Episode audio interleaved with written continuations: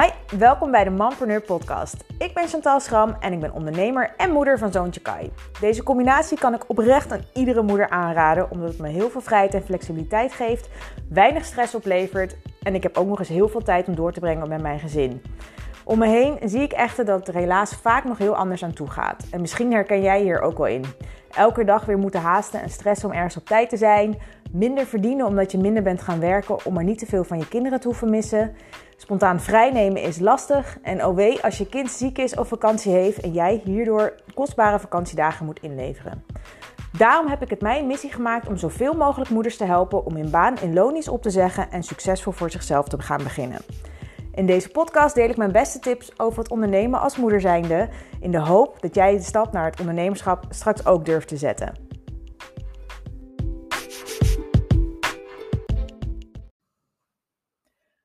Zo, eindelijk weer eens een, uh, een gesprek met een andere, nou, mom to be in dit geval. Ja, oh ja. Maar daar gaan we het eigenlijk vandaag helemaal niet over hebben, want ik zit hier samen met uh, Suzanne van Duin.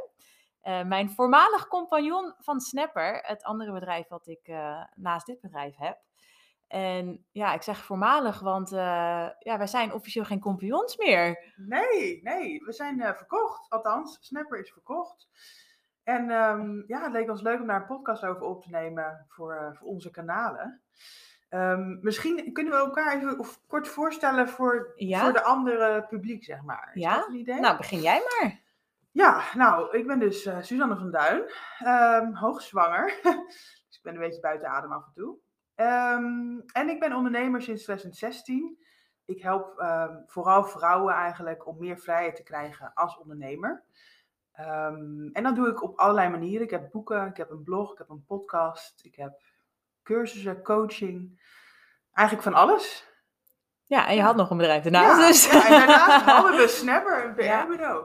Ja, en dat, uh, nou ja, daar gaan we het zo meteen uh, natuurlijk nog veel meer over hebben, omdat wij uh, dat bedrijf natuurlijk hebben verkocht. En we dachten het is ook inderdaad wel leuk om daar wat inzichten in te geven, hoe dat allemaal gaat. En ja, gewoon überhaupt. Maar ik zal mezelf ook nog even voorstellen. Ik, ik ben Chantal Schram. Ik ben um, ook ondernemer. Ik ben dat sinds de zomer van 2017, dus dat is inmiddels ook alweer flink wat jaartjes.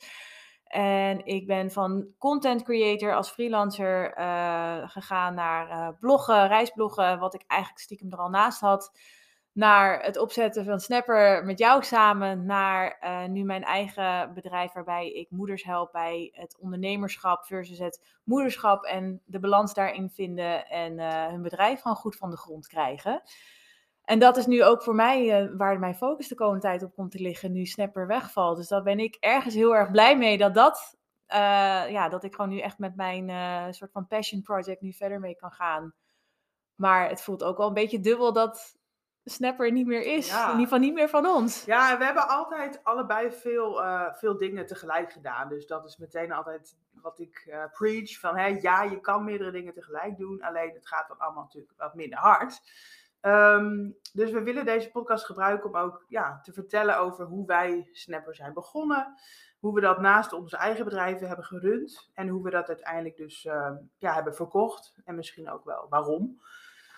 Um, denk interessant voor iedereen die uh, ondernemer is of wil worden. Um, ja, je kan er veel van leren, denk ik ook. Het, het proces van een bedrijf starten en verkopen. Um, ja, dus Chantal, wanneer, wanneer begonnen we ook weer met überhaupt het allereerste idee? Ja, nou dat is denk ik dus echt in die zomer geweest van 2017, toen ik echt net voor mezelf ging beginnen. Ik denk dat dat ook de start was van ons ergens. Ja. Ik, uh, nou, ik werkte daarvoor in loondienst uh, voor een PR-bureau. Dus ik kom uit de PR-wereld. En um, Suzanne en ik, die kennen elkaar deels daar vandaan nog. Uh, ook van het bloggerswereldje. En we bleken ook uit hetzelfde dorp te komen waar we geboren zijn. Maar nou ja, dat wisten wij tot uh, dan eigenlijk niet. Uh, maar omdat ik voor mezelf ging beginnen met, met het idee van, nou, ik ga freelancen, ik ga content maken, misschien nog wat PR ernaast doen. Um, dacht ik van ja, ik zag, eh, nou en ik, ik volgde Suzanne natuurlijk ook al op Instagram. Dus ja, we waren zeg maar wel in elkaars vizier al die tijd al, maar we kenden elkaar niet echt.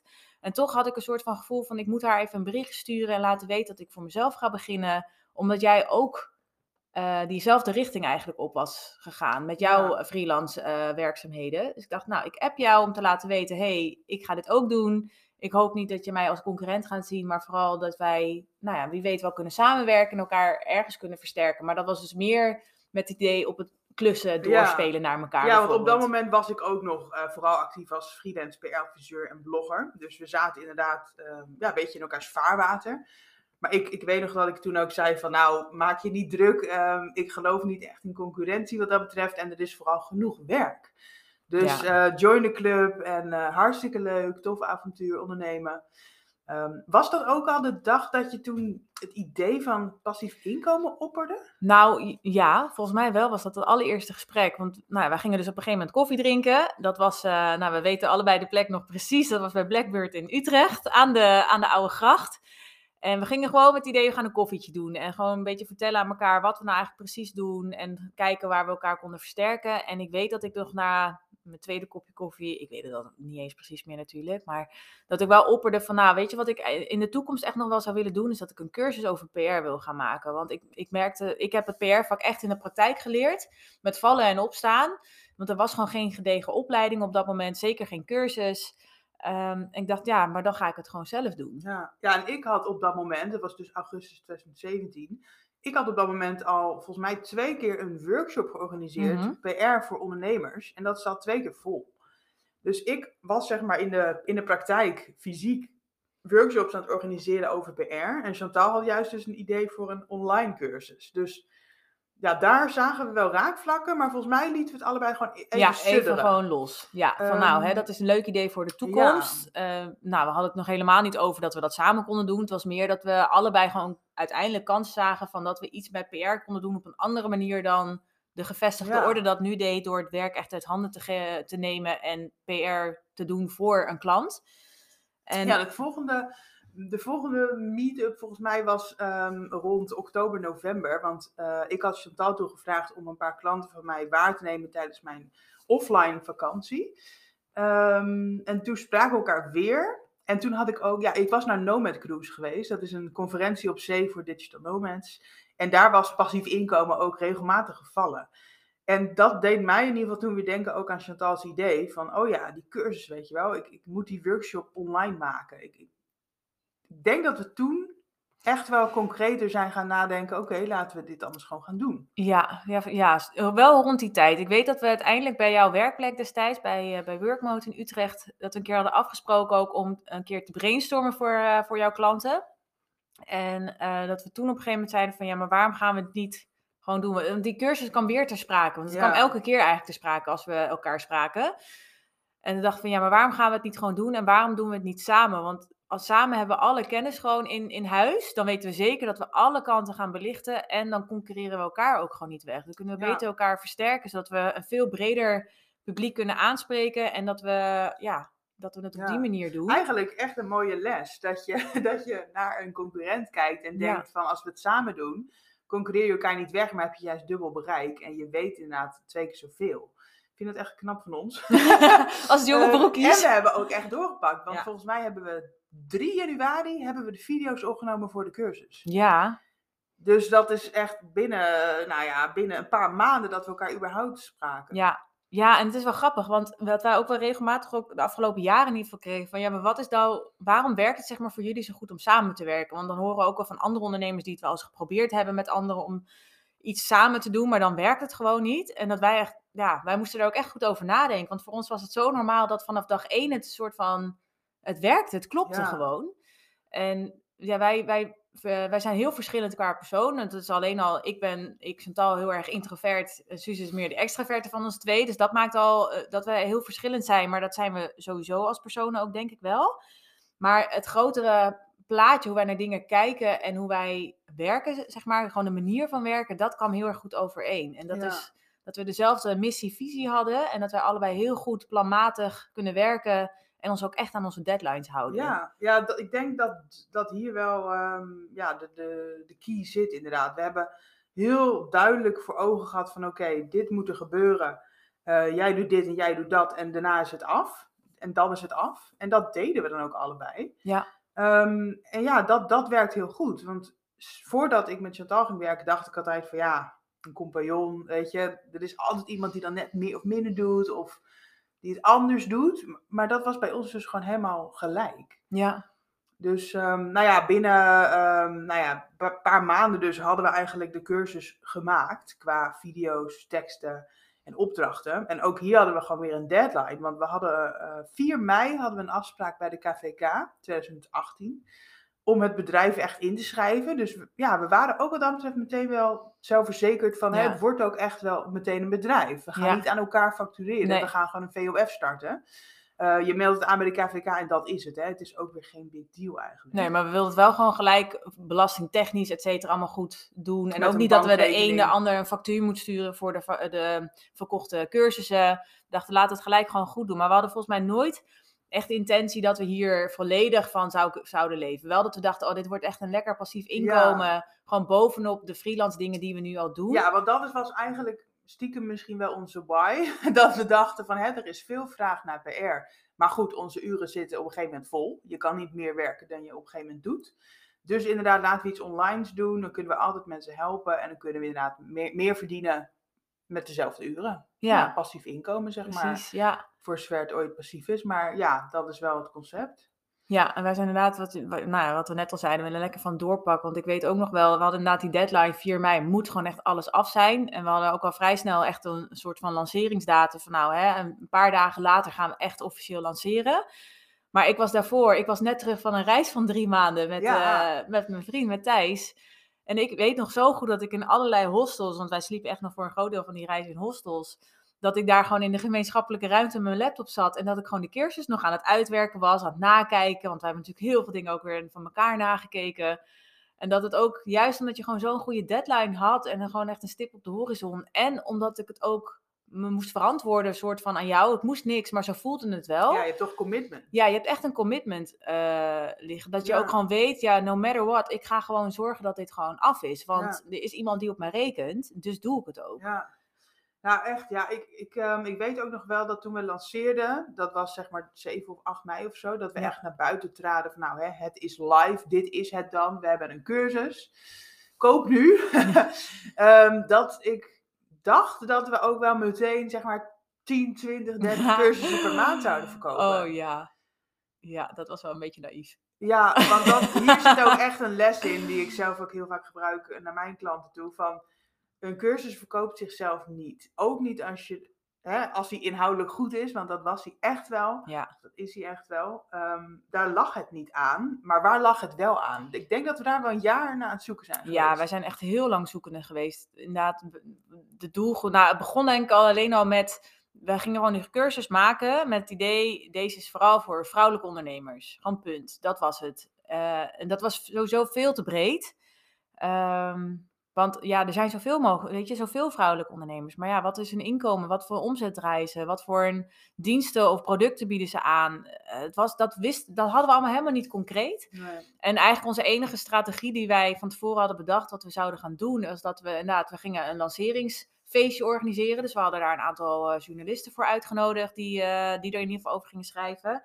En we werkten vooral aan onze PR, dat we zorgden dat we in de media terugkwamen. Hè? Practice what you preach. Dat Ja. was natuurlijk helemaal het bedrijf wat we natuurlijk hadden opgezet. Maar de- verder deden we niet zoveel. Ja, we hadden een Instagram-account waar we wat op posten. Maar ook pas na twee weken of zo. Dat, Ja. dat, daar zat niet een strategie achter. Nee, en we zijn zo zoekende geweest. We hebben echt van alles geprobeerd. Dat we de, de e-course hadden we echt helemaal uitgekleed. Dat je een soort van echt de basis kon doen. Als je echt alleen maar de basis wilde leren. Of nou, hè, dat je hem helemaal wilde leren. En we hebben, nou ja, uiteindelijk ze- hebben we van alles geprobeerd. Ja. En toen zijn we uiteindelijk, hebben we zelfs besloten om er een extra dienst naast te gaan eh, aanbieden. Ja, ja, we zijn toen begonnen met een PR-workshop, hè? Ja. Eh, om eigenlijk een beetje, ja, letterlijk de klanten naar je toe te halen en dan hopelijk de cursus te upsellen. Ehm, maar inderdaad, ik denk niet dat het lag aan het product of aan inderdaad de prijs, maar dat mensen je moeten vinden en Ja. dat je ook moet weten te verkopen wat je dan aanbiedt. Dus mensen wisten letterlijk niet eens wat PR was Nee, en waarom je het zou hè, moeten of willen doen. Dus daar zit ook vooral de uitdaging qua marketing. Van hoe bereik je mensen en wie, maar ook hoe vertel je dan wat je verkoopt. Ja, en waar gaan ze daadwerkelijk van op aan? Want wij nou, we gebruikten heel veel dat woord PR. Dat was voor ons zo'n normale term. Ik denk, ja, dat kent iedereen toch? Maar we, we merkten gewoon dat zeker de doelgroep waar wij voor ogen hadden, die, die had dat nog helemaal niet. Die dacht PR. Totdat we erachter kwamen van, nou, hè, als we het over dingen hebben als in de media komen en zichtbaarheid en nou, ons bekendheid opbouwen. Dat zijn allemaal woorden die veel meer tot de verbeelding spreken, wat mensen uithalen. En dat we ook met meer beeldmateriaal gingen spelen. Dat we ook daadwerkelijk lieten zien, als we het over een publicatie hadden, dat we een tijdschrift vasthielden of een krant. Of nou, hè, dat je gewoon echt ja, want veel meer de, taal van de doelgroep Grappig genoeg zaten de workshops dus ook meteen weer vol. Ja. Dus er was blijkbaar interesse, maar dat was dan vooral vanuit ons netwerk natuurlijk. Dus hè, hoe bereik je een grotere doelgroep? En ja, waar lag het dan weer aan? Dat was echt elke keer zo frustrerend. Ehm, we zijn trouwens uh, eind 2018 inmiddels zijn we ook toen samen een kantoor gaan huren. Of althans, ja, ik, ik had een werkplek bij uh, hashtag workmode. En Chantal die ging daar toen ook huren. Dus um, qua commitment hadden we echt wel uh, dat we elke week één dag in de week volgens mij echt helemaal een snapper. Ja, in het begin hebben we inderdaad echt dedicated elke week één dag in de week uh, eraan gewerkt. Of we nou op reis waren of niet, want we gingen ook gewoon allebei hè, nog op reis. En heel af en toe dat we dan even een weekje pauze hadden. Maar we waren echt dedicated. Elke week deden we gewoon iets. Zaten we samen. Uh, nou ja, hè, in het begin ergens op een co-werkplek waar we, nou ja, hè, gewoon ergens in de stad. Uh, en uiteindelijk natuurlijk bij Workmode samen. En dat heeft denk ik ook wel, A, dat je gewoon door blijft zetten. Ook weer die commitment. Ik denk dat dat ons echt wel, want als ik het in mijn eentje had gedaan, had ik waarschijnlijk al lang de, ja, de handdoek in de ring gegooid. Omdat je gewoon voor je gevoel veel te lang moet wachten op resultaat. Ja, ja. Terwijl dat was natuurlijk heel ongegrond, want omdat we gewoon niet de juiste dingen deden. Hè? We, deden maar wat. We hadden geen idee wat we nou eigenlijk echt per se aan het doen waren. Want we waren hartstikke goed allebei in freelancen, maar echt een bedrijf opzetten hadden we nog nooit eerder gedaan. Nee, en wat het wel um, helpt, is natuurlijk dat we niet um, ho hoefden rond te komen hiervan. Nee. Het was echt een soort side project. En alles wat we verkochten was bij wijze van spreken meegenomen. Want we, alle, we hadden allebei gewoon genoeg freelance klussen. En dan één dag in de week was dan voor Snapper. Ja. En um, ja, dat, dat vonden we ook gewoon heel, een heel leuk spel. We vonden het leuk om samen te werken. En ja ja, toch ook wel de uitdaging om dus dit te laten lopen. Dat we wel volhielden. Het is nooit in ons opgekomen toen om te stoppen. stoppen. Nee, en ik denk dat we ergens ook wel de lol ervan in konden zien dat we ook gewoon elke keer weer nieuwe dingen konden proberen. We, zijn, we hebben volgens mij ook zo vaak tegen elkaar gezegd, ja, ondernemen van bedrijf zetten is echt spelen voor volwassenen. En dat zeggen we eigenlijk nog steeds tegen elkaar. Want we konden van alles proberen uh, met Snapper. En ook omdat we, nou ja, wat je zegt, hè, we waren financieel niet afhankelijk van dit bedrijf. Dus we liepen ook wat dat betreft niet zoveel risico. Nee, nee, precies. Maar we gingen gewoon van alles proberen. Tot aan inderdaad workshops organiseren. Nou ja, die cursussen opdelen in meerdere smaakjes. Uh, nou, hè, Instagram doen. Uh, Nou, uiteindelijk hebben we dat natuurlijk veel verder uitgebouwd. En kwamen we er ook achter wat wel werkt en wat niet werkt. Ja. Want wanneer zijn wij een beetje begonnen met onze hele marketingstrategie? Dat is echt nog wel een ehm, stuk veel, later veel geweest, later. Ja, ja, we zijn eigenlijk eerst nog um, begonnen met één op één trajecten. Oh, ja. Want daar kwam toen ook vraag naar. Ja. Dat we eigenlijk vanuit vraag zijn we toen begonnen met een nieuwe dienst. Dat, dat we eigenlijk ondernemers één op één gingen begeleiden bij het doen van PR. Dus dat we het niet uit handen namen, maar dat we het ook niet zeiden van hé, hier heb je een online cursus. Dus een beetje die middenweg. Um, dus ja, vervolgens hadden we dus eigenlijk alweer twee diensten. We hadden een cursus en we hadden een één op één uh, traject. En ik weet nog wel, even denken wanneer dat dan was. 2019 denk ik. Dat we in het begin 2019 dat we ook aanvragen gingen krijgen voor uh, uitvoering. Ja. En um, nou ja, ik, Suzanne, deed dat dus tot, tot toen nog onder mijn eigen naam. En Chantal die deed dat volgens mij niet meer. Maar toen kregen we dus aanvragen om vanuit ons bedrijf samen dat te gaan doen.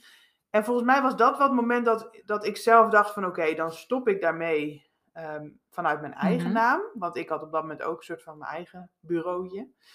En dan gaan we inderdaad ja, toch wel een PR-bureau worden, wat ook uitvoering doet. Maar wel met een kanttekening, en dat was dus wel met in ons plan, om een team te gaan bouwen om het uitvoerende werk te doen. En dat wij niet uh, eigenlijk alleen maar drukkers zouden worden. Nee. nee, het was, ja, we hebben nooit de intentie gehad om Snapper als ons fulltime business, zeg maar, te maken. We, zagen het altijd als een soort van side project. Waar we gewoon nou, heel veel leerden en waar we er gewoon heel veel energie uit haalden om samen te werken. Maar we vonden het ook nog steeds zo belangrijk, beide, om ons eigen ding ernaast te houden Dat, uh, ja, we dat, zijn toen twee dagen in de week wel gaan ja, werken. met die uitvoer erbij. Ja. Omdat dat zeg maar uiteindelijk zoveel werd dat we het gewoon niet meer redden op één dag. En toen zijn we inderdaad naar twee dagen gegaan.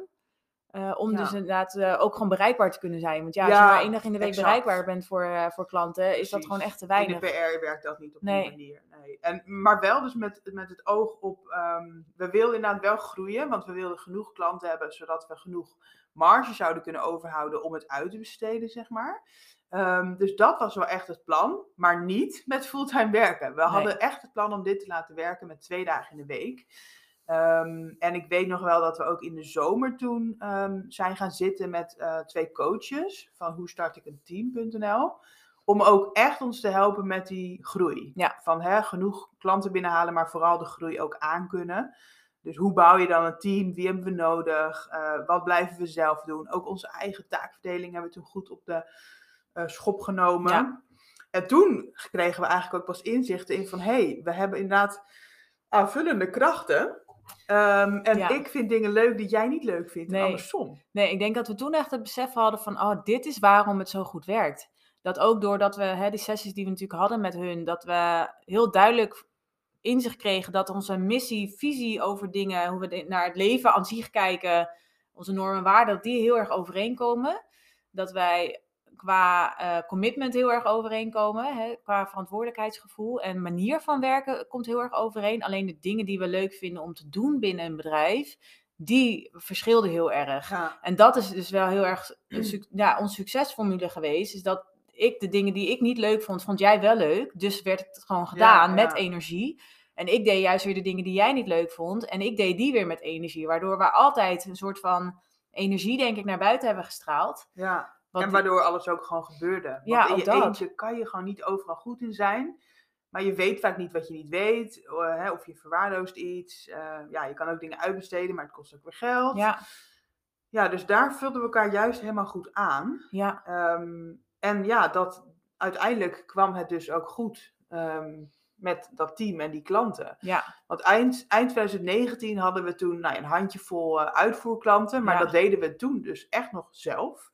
Ehm, en we, volgens mij begin 2020 zaten we toen een beetje op zo'n punt van ja, weet je, wanneer lukt het nou Ja. eens met dat team? Want we Ja. moeten echt genoeg klanten hebben, zodat we genoeg Ja. eraan overhouden als we het uitbesteden. En ik weet nog zo goed, want we zaten toen inderdaad met Mariska van hoe start ik een team. En dat eh, zij ook zei van ja, jullie staan nu echt op een kantelpunt. wa- Waarbij je kan kiezen om door te gaan. Waarbij je dus uiteindelijk echt wel dat team gaat gewoon lukken. Eh, of je gaat gewoon nu de handdoek in de ring gooien en je geeft op. En dat is wat 90% van de bedrijven gewoon doet, omdat Ja. het ze niet snel genoeg gaat. Maar als je doorzet, dan, dan wordt het pas leuk. En nou ja, wij hebben dus uiteindelijk inderdaad doorgezet. En eigenlijk binnen een paar maanden Ja, konden wij inderdaad ons eerste teamlid echt ja erop zeker. zetten. Ja, want begin 2020 hadden we een eerste teamlid. eh, die inderdaad ons ondersteunde en hielp al eh, een stuk met de uitvoer. En vanaf, ehm, ja, volgens mij, nou ja, iets later dan, maar ja, toen ging het wel hard. We hebben Ja. ook toen een eigen kantoor genomen trouwens. Ja. Dat was ook vanaf, eh, nou ja, officieel zelfs al eind 2019. Maar ja, laten we zeggen vanaf 2020 hadden we een eigen kantoor.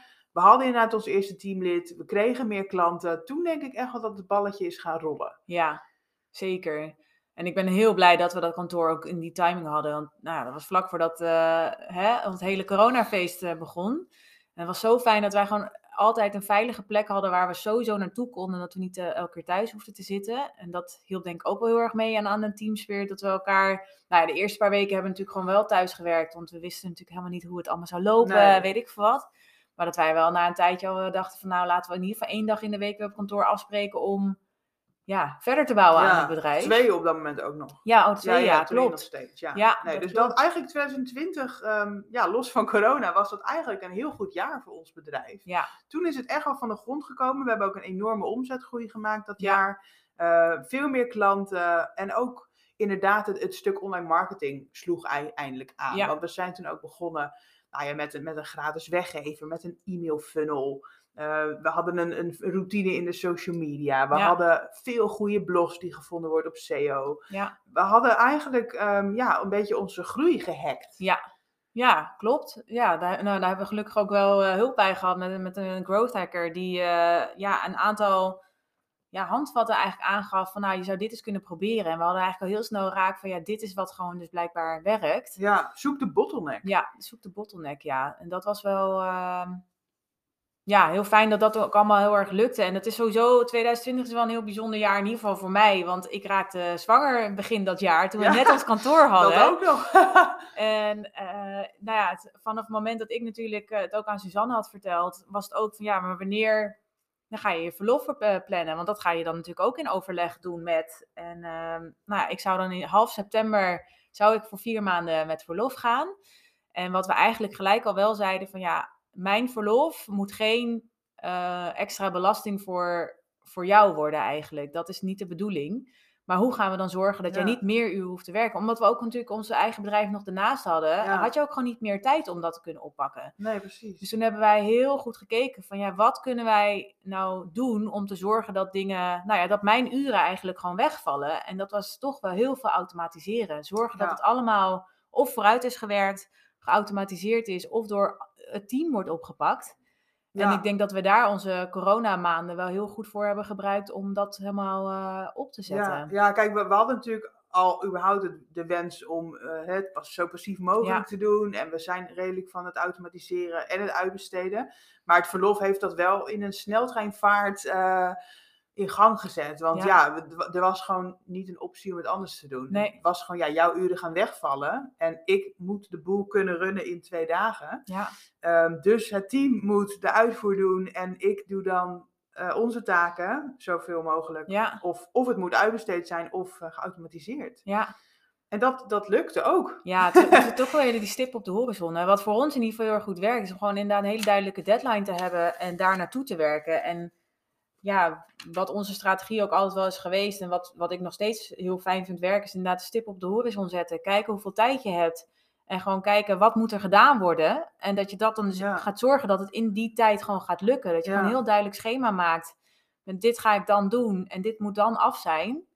Ja, ja, ja. en dan, dat- dan lukt dat. ik denk echt, eh, nou, tijdens jouw verlof, dus inmiddels is het eind 2020, dat ik ook echt wel het gevoel had dat het stond. Dat ik heel, heel erg trots en blij was dat het zelfs met jouw verlof de beste maanden qua Ja. omzet waren. En dat het team eh, was ingewerkt. En ja, dat ik een beetje de, de chef speelde, zeg maar. Ja, Eh, dat was echt wel het moment dat ik dacht van, we, we did, did it. it. Ja, En kan. tuurlijk, hè, het kan altijd nog beter en groter. Maar ik heb, denk wel dat de droom die we voor ogen hadden in de zomer van 2019, dat die wel echt Ja. was, was volbracht. Ja, ja, dus Mariska had wel echt gelijk. Het is echt een kantelpunt waar Ja. jullie nu op staan. Ja, en ik denk ook dat, ehm, nou ja, even goed te noemen, dat is ook een tijd dat mijn eigen bedrijf eh, nog wat beter ging lopen.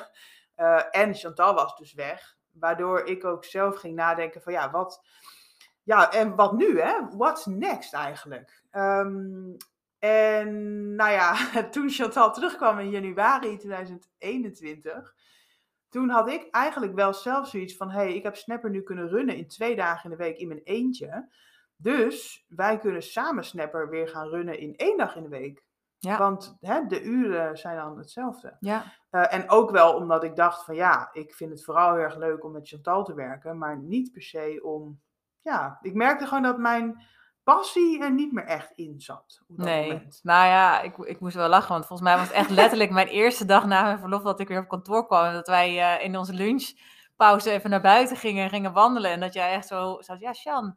Ja, het was iets in de trant van ja, als, eh, als geld er niet meer toe zou doen, hè, ehm, zou je Snapper dan nog steeds eh, runnen? En dat ik zei, nou, ik denk het eigenlijk niet. En dat, was, dat kwam eigenlijk gelijk in me op. Dat was, nou ja, ik had er natuurlijk helemaal niet over nagedacht. En dat jij ook Welcome gelijk... back. Ja, welcome back. en dat jij ook echt gelijk zoiets had van, oh ja, nou ja, ik heb eigenlijk precies hetzelfde. En toen kwam wel een beetje de aap uit de mouw dat jij, nou ja, wat je net vertelde, van ja, je, het- ja de passie, Ja. zeg maar, de liefde voor het bedrijf, dat, wat, dat werd steeds minder. Ook omdat jij natuurlijk je eigen bedrijf ernaast had. Ik had ook eh, het plan eh, in mijn verlof, toen ik net bevallen was, bedacht van ik ga een nieuw bedrijf opzetten. En dat is, Ja. nou ja, eh, Dit. dit, dit bedrijf. Ja. Ehm, En ik denk dat ook een beetje de, misschien wel de uitdaging weg was, omdat Ja. ons ja, eerste doel zeg maar behaald was. ja, en wij gaan allebei wel vrij goed op doelen. En wat Ja, was en dus, ontwikkelen. Hè, wat was dus onze next goal? ja, En nou ja, ik merkte in ieder geval dat, dat mijn uitdagingen en dromen en doelen niet niet echt dus in Snapper lagen, maar meer in mijn eigen bedrijf. Ja. Nou ja, en jij had natuurlijk ook je eigen doelen en dromen met jouw eigen bedrijf. Ja. Ehm, dus ja, op dat moment, hè, begin 2021, hebben we toen besloten van, nou ja, laten we inderdaad vanaf 1 april Snapper in één dag in de week ehm, gaan runnen. En dan zien we het wel even. Hè? Volgens mij was dat een beetje het plan. Van, nou, dan, kijken we hoe passief het, het, het blijft doorgaan. blijft gaan. Ja, en nou ja, dat, dat ging op zich prima. Maar ik denk inderdaad ook dat, eh, dat wij gaan ook wel heel erg goed op nieuwe dingen bedenken, ontwikkelen, dingen opzetten. Hè? eh, dingen, ja, dat beter maken en automatiseren dat efficiënter kan. En dat viel weg, want uiteindelijk waren we een beetje uitgeautomatiseerd. En inderdaad, het liep gewoon. Dus het was meer dat de dagelijkse gang van zaken door bleef gaan. Ja. Maar er zat geen uitdaging meer voor ons Nee. in. We zitten al, allebei al zo lang ook in dat PR-vak. Dat, dat, dat was ook niet meer de uitdaging. En, En we- het- ja. ja, en wanneer kwamen we dan op het idee van verkopen? Ja, ik denk dat dat zo rond april of zo is geweest. April 2021, toen wij... ehm, ja, wij zagen dat toen voorbij komen op Instagram. Want iemand die wij, met wie wij eh, eh, coworking hebben gedeeld bij, eh, bij Workmode... die had de inhoud van haar bedrijf toen verkocht. Dus echt de content die zij had gemaakt en deelde... Dat had zij verkocht en ook echt wel voor een, een bedrag dat we dachten van, oh, als zij dat daar al voor kan krijgen, ja, wat zou dat dan voor ons bedrijf misschien wel Ja. kunnen? Zou dit niet ook iets voor ons kunnen zijn? Dat, dat het ook voor ons realiteit zou kunnen worden? Ja, ja ik denk ehm, dat bij mij dat ook als een goede ehm, way out, zeg maar, voelde. Want ik zou het zonde hebben gevonden om eh, Snapper echt te laten doodbloeden of te laten stoppen. Maar Ja. ja, tegelijkertijd wilde, wilde ook, ik ook niet per se door. Ehm, en ja, dan, ja, wat dan, hè? Eh, Ik denk dat ver- verkopen voor mij dan echt voelde als een hele goede middenweg. Dat je er nog wat voor krijgt en dat het bedrijf niet stopt, maar dat jij wel kan stoppen. Ja, ja, het was echt eh, het perfecte scenario wel, ja. Weet je, dat je in ieder geval niet met lege handen achter, Nee. achterblijft, behalve opluchting dat je, Ja, dat je er van af bent. Maar we zijn niet gelijk toen in actiemodus gegaan. Het heeft wel echt even een soort van gesudderd van, nou ja, hè, dit zou op termijn, als we eh, er echt niet meer voor willen gaan, dan ehm, Nou, en wel jij was natuurlijk optie. eigenlijk pas net begonnen met je eigen bedrijf. Dus het was ook niet reëel om er meteen van af te Nee. willen. Want ja, het was gewoon nog een grote inkomstenbron eh, Ja. voor ons beiden. Ja, Ehm, maar inderdaad, het was wel een soort van iets wat we in ons achterhoofd gingen houden. ja. Ehm, Ja, ik moest echt wel even aan het idee wennen of zo. Ja, wat je zegt. Ik, wel- ik was natuurlijk net met dit bedrijf begonnen en het stond nog niet waar ik het wilde ze hebben staan. Ja, dat ik het Ja. nog niet helemaal durfde op te geven. Ja, en wat we toen zijn gaan doen, bedenk ik me nu, is dat we inderdaad ehm, zijn gaan kijken, oké, wat zou er eventueel in de toekomst moeten gebeuren, Ja. of nu moeten gebeuren om het in de toekomst eh, eventueel te verkopen. En ehm, we zijn toen ook met wat mensen gaan praten, Ja. waarvan we dachten, hè, die hebben wel tips. Ja. En wat daar vooral uitkwam, is dat we onszelf eh, misbaar moesten maken. Ja. Of nog meer misbaar mo- moesten Ja. maken. Ehm, en we zijn ook teruggegaan naar één dag in de week werken. Ja, want we gingen inderdaad uiteindelijk gewoon heel goed na van... Oké, maar wat is er nou echt effi- eh, efficiënt, wat ik zeggen, essentieel binnen het bedrijf... wat draaiende moet blijven om het bedrijf ook draaiende te houden? Maar wat kunnen we al meer nog aan opvulling weghalen wat niet per se nodig is? Wat kunnen wij aan onze eigen taken nog meer uitbesteden als het wel gedaan moet worden? Zodat wij echt onszelf weg gingen spelen. Want uiteindelijk is inderdaad, eh, als jij je bedrijf wil verkopen, is, dan wil je ervoor zorgen dat een, de koper gelijk het bedrijf over kan nemen, dat niet aan jou persoonlijk hangt. Dus daarom waren wij al heel lekker bezig met dat het team eh, de uitvoerende taken deed en wij niet, zodat de klanten daar geen last van zouden hebben als we overgenomen zouden worden. Weet je, dat waren Ja. allemaal dingen die we eigenlijk onbewust al goed geregeld hadden, Ja. die nu wel het proces veel makkelijker maakten voor ons. Ja, we hebben volgens mij ook toen een lijst gemaakt van wat voor werkzaamheden liggen er allemaal nog. En wat moeten wij echt blijven doen? En wat kunnen we inderdaad nou ja, wegdoen, Mhm. of automatiseren, of uitbesteden. En uiteindelijk bleef er toen een lijstje over dat we allebei maar vijf uur effectief in de week zouden werken. Dus Ja. dat is prima om dat op één dag te plannen. Ehm, en dat zijn we dus vanaf 1 april toe gaan doen, deze koers. Ja. Met ook een plan om het, ehm, om het nog passiever allemaal ook echt te laten lopen. Ja.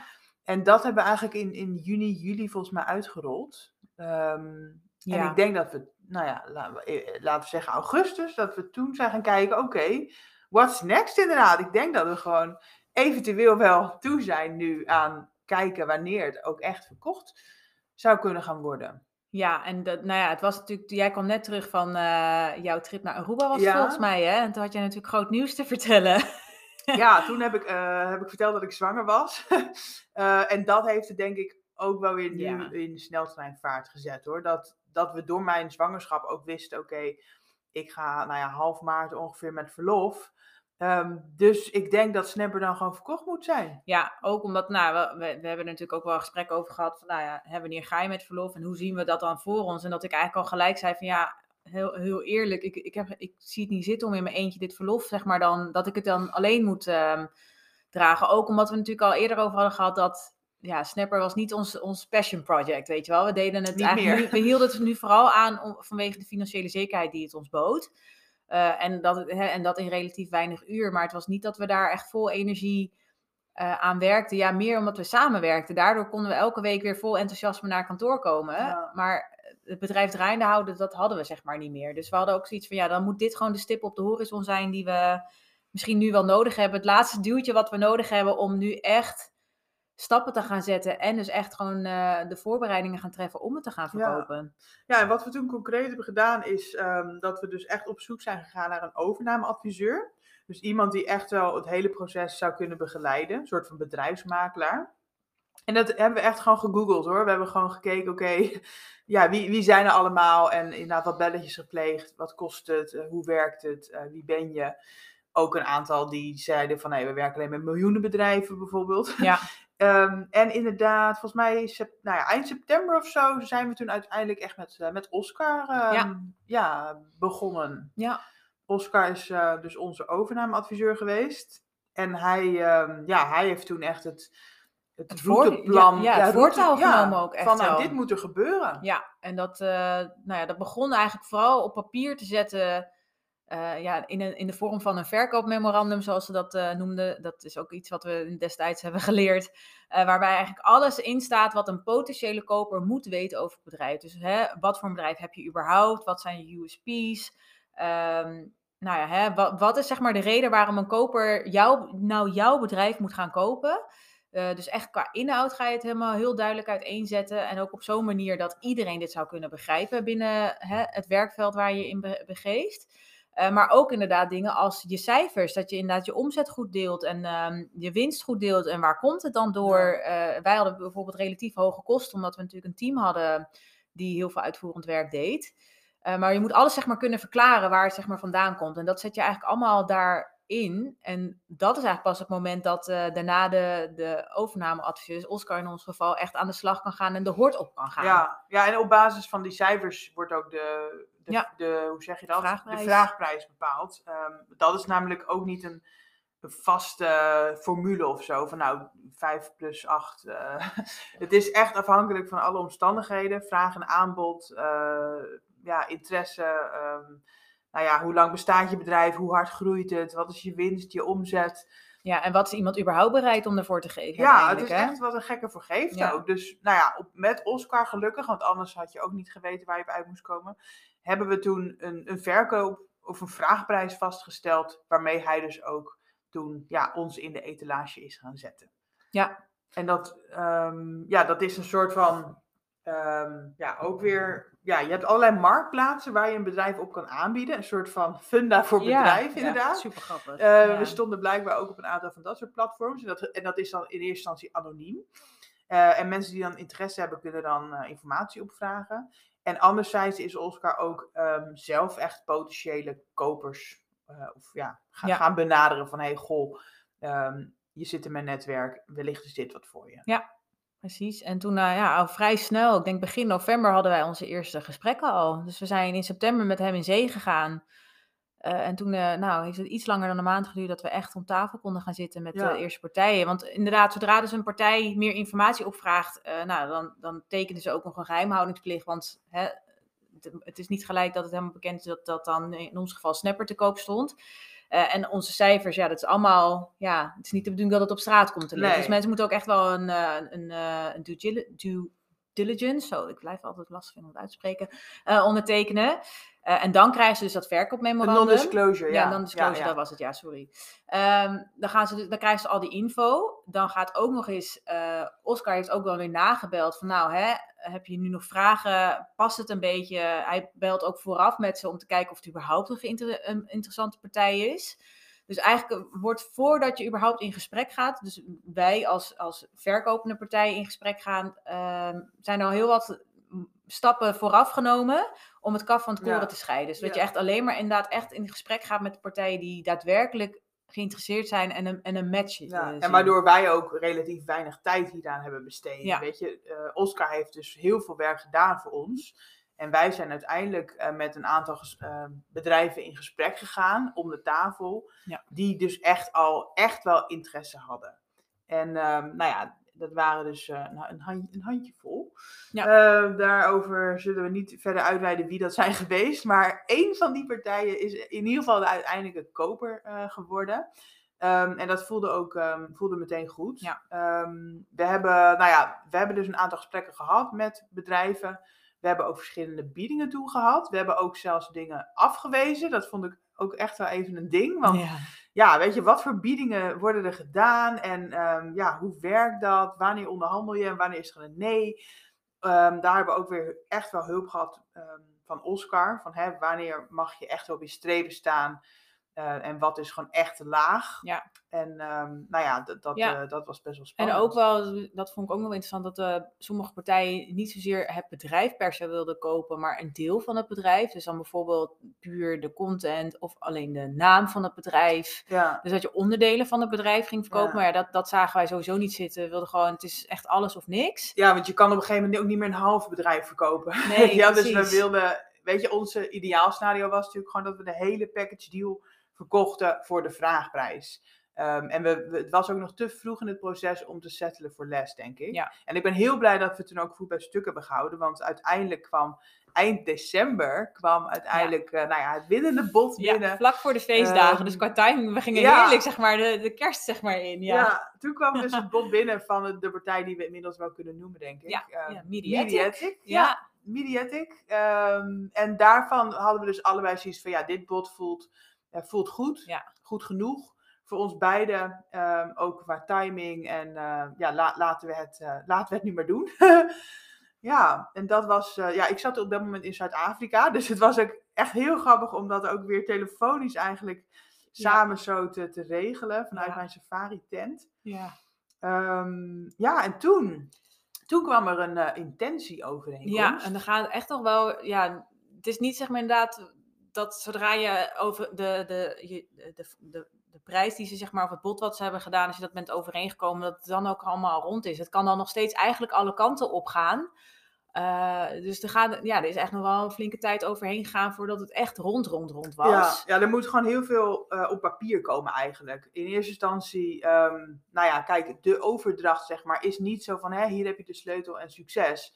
Want een bedrijf heeft vaak wat meer voet in de aarde. Dus soms blijf je wel, nou ja, maanden of soms zelfs jaren, blijf je nog betrokken om, Ja. om de boel echt letterlijk over te dragen. Ja, dus soms dat moest, wordt eh, zelfs nog geëist dat je in dienst komt dan, hè, van, eh, van die partijen. Ja, dus dat, eh, eh, dat moesten wij eh, met Oscar natuurlijk ook weer ja, uit onderhandelen. Van hoe lang inderdaad blijven we aan. En daar afspraken over maken en op papier zetten. En op het moment dat je zo'n intentieovereenkomst tekent, eh, zeg je ook echt wel van hé, we gaan met, met elkaar in ja, zee. we zijn nu exclusive. Tenzij er nog allerlei eh, lijken uit de kast komen. Ja. Dus eh, Mediatic heeft dan ook boekonderzoek mogen doen bij ons. Dat, dat is de due diligence. Ja, ja precies. Ja, ze door elkaar. Weet je, dus het betekent eigenlijk dat als wij de boel belazerd hebben, of dat er allerlei rare cijfers eh, naar boven komen, dat ze dan nog het recht hebben om te zeggen van hé, hey, het feest gaat niet door. Ja.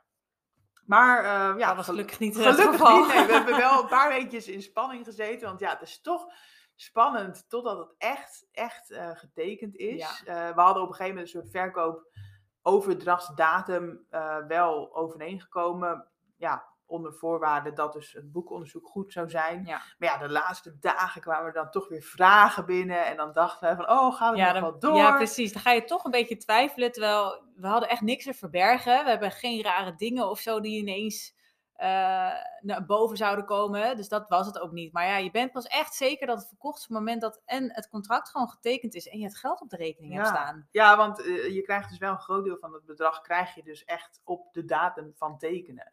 Dus dat was Ja. ja, ja toch wel een soort van eh, mijlpaal in onze Ja. agenda. Eh, maar die datum is uiteindelijk wat naar achter gezet, omdat het allemaal toch langer duurde. En dan hadden wat mensen corona.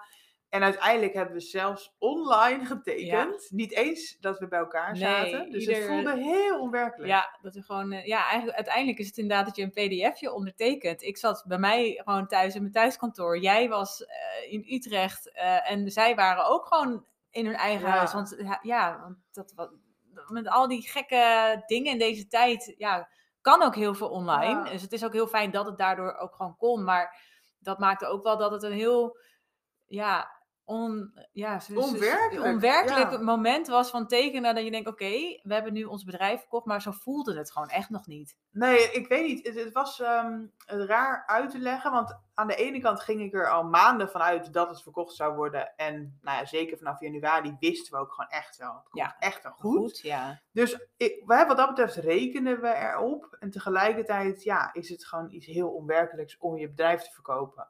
Ik denk dat het, ja, dat het pas echt real voelde eh, toen 1 maart het persbericht eruit is Ja, toen echt de, de buitenwereld het ook wist, ja.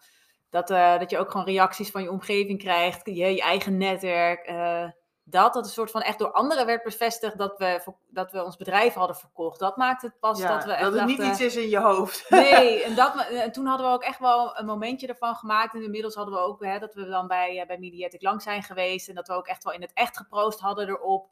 Dus het, het begon wel steeds meer te, zeg maar, te, te leven. Ja. En Maar- die, die, die datum is expres ook wat later. Hè? Want ehm, op het moment dat dus echt de overeenkomst getekend is, eh, nou, dan is het officieel. Maar dan wil je nog mensen gaan inlichten eerst voordat je het naar buiten brengt. Dus Ja. we hebben toen nou, de klanten ingelicht en de freelancers en verschillende processen al overgedragen. Ja. Eh, en 1 maart is dan inderdaad echt het persbericht uitgegaan en het wereldkundig gemaakt. Ehm, maar ja, achter de schermen hadden wij toen inderdaad al het een en ander eh, gedaan eh, Ja. met, met. Ja. En Ja. Toen, eh, toen was het verkocht. Ja, jee, Ja. ja. in- ja, het is, ehm, ja, nu we dit opnemen is het begin maart. Dus we Ja. zijn echt net een, een week, week. zeg maar, public. Ja. en ehm, ja, voor mij in ieder geval voelt het echt heel goed. Ja. Het, is, het is deels natuurlijk een stukje financiële rust. Ehm, het is ook mentaal rust, want je hebt gewoon een kopzorg minder. Ja. Ehm, en het is ook voor mij in ieder geval echt een ge- gevoel van trots. Dat dit heeft kunnen gebeuren en dat we gewoon ja, Ja, we bedrijf did verkocht it. hebben. Ja, we hebben het gewoon gedaan. Ja, dat, dat, het was voor mij ook weer echt een bevestiging dat ook al heb je iets nog nooit gedaan, heb je geen idee hoe je dit moet doen of het überhaupt mogelijk is voor je, door gewoon echt continu en ja, gewoon elke week stappen te zetten naar je doel. En bij ons was echt het doel het verkopen. Dat je continu die stappen zet, dan leer je elke week weer iets bij. En uiteindelijk lukt het je dan ook gewoon nog. Als je Ja. maar gewoon consequent eraan blijft werken, erin blijft geloven, eh, de juiste mensen erbij zoekt die je nodig hebt eh, en door blijft zetten. Ja, ja, ik denk dat dat eigenlijk nu met terugblik op nou ja, afgelopen 4,5 jaar toch wel, hè, al met al, dat het echt wel eh, inderdaad elke keer een, een doel is geweest. Dus Ja. eerst hadden we het doel om een online cursus te maken. Toen hadden we het doel om een online cursus te verkopen. Toen hadden we hè, het doel van het team bouwen Ja. en inderdaad, eh, nou ja, eh, uitvoering zeg maar. En uiteindelijk het doel om onszelf ehm, nou ja, nog meer misbaar te maken, om het nog passiever te maken, Ja. Om het verkoop klaar te maken en Ja. uiteindelijk dus ook echt te verkopen. Ja, en dat zijn dus echt allemaal dingen die wij voor het eerst deden. Heel Ja. veel dingen die wij in het ondernemerschap bij het bedrijf opzetten hebben geleerd, is echt snapper geweest. Dat was echt onze speeltuin. Ja, dit is echt spelen voor volwassenen. Ja, En ehm, ja, ik vind het altijd zo dubbel, want aan de ene kant voelt het inderdaad echt next level. Dit is echt niet meer eh, het freelancen wat we Nee. vijf jaar geleden deden. nee. En tegelijkertijd laat dit mij zo groot denken. Want door dit soort dingen denk ik, oké, what's next? Ja. Wat is er nog meer mogelijk? Ja, Weet je, dit is uiteindelijk relatief nog een klein Klein. bedrijf geweest wat we hebben verkocht. Ehm, ja, als dit al mogelijk is, Ja. wat, wat komt er over vijf jaar weer? ja, maar door inderdaad steeds meer dingen, nieuwe dingen te doen en steeds meer uit je comfortzone te stappen, eh, wordt het ook steeds minder eng om groots te durven denken en ook daar daadwerkelijk naar te handelen. Ja. Ja. Wat, wat vind jij nou de, de beste les die jij van Snap hebt geleerd de afgelopen 4,5 jaar? Ehm, nou, sowieso, waar, nou, maar dat heb ik sowieso met ondernemerschap wel hoor. Ik denk vooral de samenwerking met jou, dat me dat, dat onze samenwerking, dat we elkaar zo aanvullen, maar vooral als je omringen met gelijkgestemden, dat dat je zo ver kan brengen in het ondernemerschap. Omdat je dan continu gemotiveerd wordt door anderen. Of het nou een compagnon is of hè, gewoon een andere ondernemer met wie je gewoon af en toe afspreekt bijvoorbeeld. Eh, je geïnspireerd wordt, eh, an- van anderen kan leren, gemotiveerd wordt en een stok achter de deur kan hebben. Als je echt met elkaar afspraken maakt van nou, al doe je inderdaad een doel stellen van ik wil dit aan het eind van de week gedaan hebben. En dat je dan diegene accountable Ja. houdt. Dat vond ik wel echt een hele mooie les. En ook vooral die, dat, die speeltuin voor volwassenen. Dat je gewoon echt het ondernemerschap brengt je zoveel ontwikkeling mee. En je gaat zoveel grotere stappen durven zetten dan je ooit voor mogelijk zou houden. Ja, je persoonlijke ontwikkeling die, die neemt echt een mega vlucht als, eh, als Ja. ondernemer. En dat heb ik zeker in Snapper. En ik denk juist omdat we het samen deden, durfde ik ook misschien al die stappen makkelijker te zetten omdat we het samen deden. Ja. Ja, dat. ja, echt hè? En jij? Nou, wat mij, ja, alles wat jij zegt sowieso. Gewoon, het is, het is eh, inderdaad qua, qua online marketing en qua groei en qua Ja. team en leiderschap eh, is het inderdaad super leerzaam geweest. Maar ook, ehm, ehm, wat wil ik zeggen? ik denk dat we bij Snapper een zekere luchtigheid hadden of zo, Ja. omdat het nooit moest. Het is, Ja. het is het is altijd een soort van side ding geweest, Ja. waardoor de lol erin bleef. En waardoor we ook emotioneel niet te betrokken raakten of zo. Ja, Ehm, waardoor bepaalde dingen lukten. En ook, ehm, ik heb heel veel over mezelf geleerd. Mhm. Omdat je dus echt een spiegel hebt van, nou ja, van jou in dit geval. Ja. Omdat je een compagnon hebt. Want als jij in je eentje onderneemt, dan weet je niet wat jouw echt goede kwaliteiten vaak zijn. Omdat je het vanzelfsprekend vindt. Ja. En je weet ook niet wat je niet weet, want hè, dat, dat zie je niet. klopt. Of je doet bepaalde dingen gewoon niet. En door jou als spiegel te hebben, werd ik mezelf veel bewuster van: hey, dit is iets waar ik heel goed in ben. Of Ja. iets wat blijkbaar niet voor iedereen leuk is. Of, Ja. hè, of juist van: hey, shit, dit is iets wat ik blijkbaar niet zo goed kan. en ik ben blij dat Chantal dit doet. Ja. Eh, en ik denk dat het heel waardevol is Ja. om eh, dat van jezelf te weten, omdat je dan dus pas in actie kan komen. Dan pas kan je hulp zoeken of een cursus volgen of, inderdaad een partner zoeken. Nou, en ik denk dat het dan ook gewoon werkt. Want ik geloof echt wel als je dan dingen doet die je meer doet omdat je het gevoel hebt dat het moet, dat je dat ook aan alle kanten uitstraalt in plaats van dat je het wil. En dat, men, dat dat ons succes ook is geweest. Wij deden allebei binnen het bedrijf wat we wilden, Ja. waardoor je dat ook weer een soort van uit kan stralen, onbewust, hè? dat je dan juist het enthousiasme soort van uitstraalt, omdat je gewoon echt doet wat je leuk vindt. Ja, we, kregen, we hebben ook heel vaak te horen gekregen van, oh jullie zijn zo'n leuk duo. Ik denk dat het ook ehm, ja, voor je branding zeg maar ook wel in je voordeel werkt Absoluut. om een, een duo te zijn. Ja. Eh, en inderdaad, praktisch gezien ook dat je dus elkaar echt aanvult. Ja. En dat je dus ook veel efficiënter kan werken. Want hè, jij bent in bepaalde dingen heel goed. eh, en vind je ook leuk om te doen die ik weer niet leuk vind. En vice versa.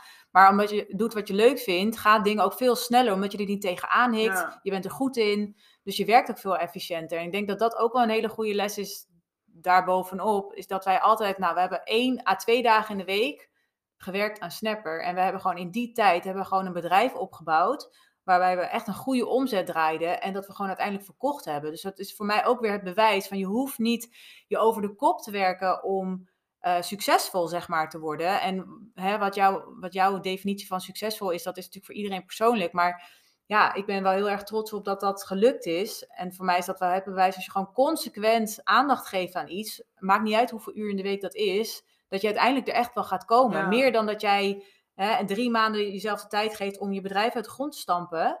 eh, en daarna weer geen tijd meer Ja. voor hebt. Dat is denk ik ja, dat het veel beter is om gewoon langere tijd, ja, minder tijd aan te kunnen besteden dan in Ja, de korte ja, tijd we hebben veel. altijd inderdaad doelen gehad en deadlines en, en to-do's en structuur en taakverdeling. En het klinkt misschien ook als een strafkamp voor mensen. maar ja, wij gingen er best wel goed Ja, op. En tegelijkertijd was er ook altijd ruimte voor spontaniteit. We hebben dus allebei, tijdens deze jaren, hebben we allebei een lange reis gemaakt van Ja. drie, vier maanden. We zijn allebei zwanger geweest. Dus ja, Ja. En we hebben inderdaad maximaal twee dagen in de week eraan gewerkt. Dus dat vind ik inderdaad wel een hele mooie les. Van wat is jouw definitie van succes en wat is je Ja. doel? En maak een plan om er te komen. En je hoeft niet 60 uur per week te werken. Eh, het gaat niet in, in een maand. Nee. Ehm, maar ja, hou vol en Ja. je bereikt wel een hele hoop. Ja, en je hoeft het ook echt niet per se met iemand te doen. Dat is ook echt niet per se nodig. Maar zoek wel de mensen uit die jou verder kunnen helpen. Of het nou inderdaad in de vorm van een compagnon is. Of dat jij inderdaad gewoon hulp zoekt en bepaalde taken die jij bijvoorbeeld niet leuk vindt of waar je niet sterk in bent, dat je die gaat uitbesteden, zodat jij je kan focussen op datgene wat je wel heel erg leuk vindt. Ja, want we hebben heel veel hulp gevraagd hoor. In het begin hebben we ook nog met iemand gezeten over inderdaad vindbaarheid en over Ja. onze marketing. Ja. We hebben inderdaad bij The Next Women gezeten, een soort van vrouwennetwerk met ondernemers, waar we veel coaches ook gesproken hebben. Nou ja, we hebben natuurlijk eh, Mariska en Suzanne eh, van Hoe Start ik een Team ingehuurd. We hebben zelf ondertussen met ons eigen bedrijf een coach gehad, waar we Ja. ook weer veel van hebben geleerd voor Ja. Snapper. Nou, en daar hebben we natuurlijk gewoon echt de taken binnen het bedrijf uitbesteed. Dus Ja. niet zozeer voor de groei van het bedrijf, maar echt inhoudelijk dat eh, de taken gewoon werden gedaan, die moesten worden gedaan. En uiteindelijk natuurlijk Oscar, die, eh, die uiteindelijk de laatste eh, taken volbracht heeft. Ja, Jeetje, ja, nee, dit was end of an dit- era. Ja, dit, dit was het hoor. Ja. Ik, eh, ja, wa- wat ga jij nu doen? Krijg je die vragen ook deze week? Ehm, ja, ja, jawel. Alleen bij mij is het ook wel duidelijk, omdat ik natuurlijk mijn bedrijf nu niet zo heel lang heb, dat duidelijk is dat ik daarop ga focussen. En dat is voor mij nu de komende tijd, juist omdat je nu die fi- financiële rust een beetje hebt, omdat je gewoon de, de verkoopprijs eh, eh, op de bankrekening hebt gekregen. Dat geeft ook wel rust om jezelf de tijd te gunnen van, ja, wat wordt nu mijn volgende stap binnen dit bedrijf? Want dat ik hiermee verder wil is heel duidelijk, maar ja, dat ik niet meer iets ga doen per se vanuit mijn hoofd en omdat ik denk, dit moet ik nu doen, maar omdat ik het echt wil. ja. Ja, en gewoon inderdaad eh, ja, mijn eigen bedrijf groot maken, maar dan zonder compagnon. Ja. Ja, dat wordt ook een mooie uitdaging. Ja, ja, ik heb deze week ook veel de vraag gekregen van, eh, wat ga je nu doen? Maar dan dacht ik, ja, weet je, ik we werkte op zich maar één week aan Snapper. Dus het is niet dat ik hè, opeens zeeën van tijd over heb. Ehm, maar ik ga zelf met verlof volgende week. Dus eh, ja. wat dat betreft is dat gewoon even eerst. En ehm, uiteindelijk wil ik ook wel een dag minder gaan werken. Dus wat dat betreft is dat zeg maar de snapperdag die gewoon Ja, wegvalt. Dus, ehm, precies, En dan zien we het wel weer. Ik, ik eh, heb nog niet echt een groot nieuw doel. Nee. Het lijkt me wel heel leuk om ooit weer iets met jou op te zetten. Ja. Maar de vraag is gewoon even wanneer en, En wat. wat? En, eh, ja, maar dat, dat komt wel. wel. Ja, weet je, dat, daar ligt het ook echt niet aan. Want dat samenwerken, dat vinden we nog steeds super leuk. En dat is echt wat ik enorm ga missen. Maar ja, Ja. dat zou ik ook missen als je nu met verlof gaat. ja Dus dat is het ook niet. Maar eh, nee, dus dat is ook wel. ehm, dat is denk ik nog wat ik het echt jammer vind aan dit alles. Dus dat dat Ja. gewoon stopt. Maar ik, eh, ik ben al hartstikke blij en trots dat we Snapper gewoon verkocht hebben. Ja. ja, en Chantal en ik blijven wel gewoon elkaar zien. Voor de mensen die dat afvragen. Ja. want We, we willen wel elkaar een beetje ook scherp blijven houden. Want we, we hebben gemerkt dat dat heel goed werkt dus. Dus we willen nou zeker om de week ehm, gewoon elkaar blijven zien. En, Ja. en sparren en eh, business lunch of eh, zoiets. Nou, en dan met de kleintjes ook eh, afspreken. Dat we privé Ja. natuurlijk ook Ja, andere dingen nu hebben. Ja, Ja, Het, wordt sowieso weer een leerzaam jaar, maar gewoon op weer heel andere punten. ja. Nou, Nou, zullen we er maar een einde aan gaan ja, laten we het doen. Ja. Dank eh, voor alles. Ja, nou jij ook. Het was me maar genoegen. Nee, ik heb echt onwijs genoten van onze, nou ja, inmiddels vier jaar dat wij toch echt al ruim samenwerken. Vier een half zelfs. Ja, Ja. met het begin erbij zeker. The end of an era, maar het is ook weer een nieuw begin. Zo is het.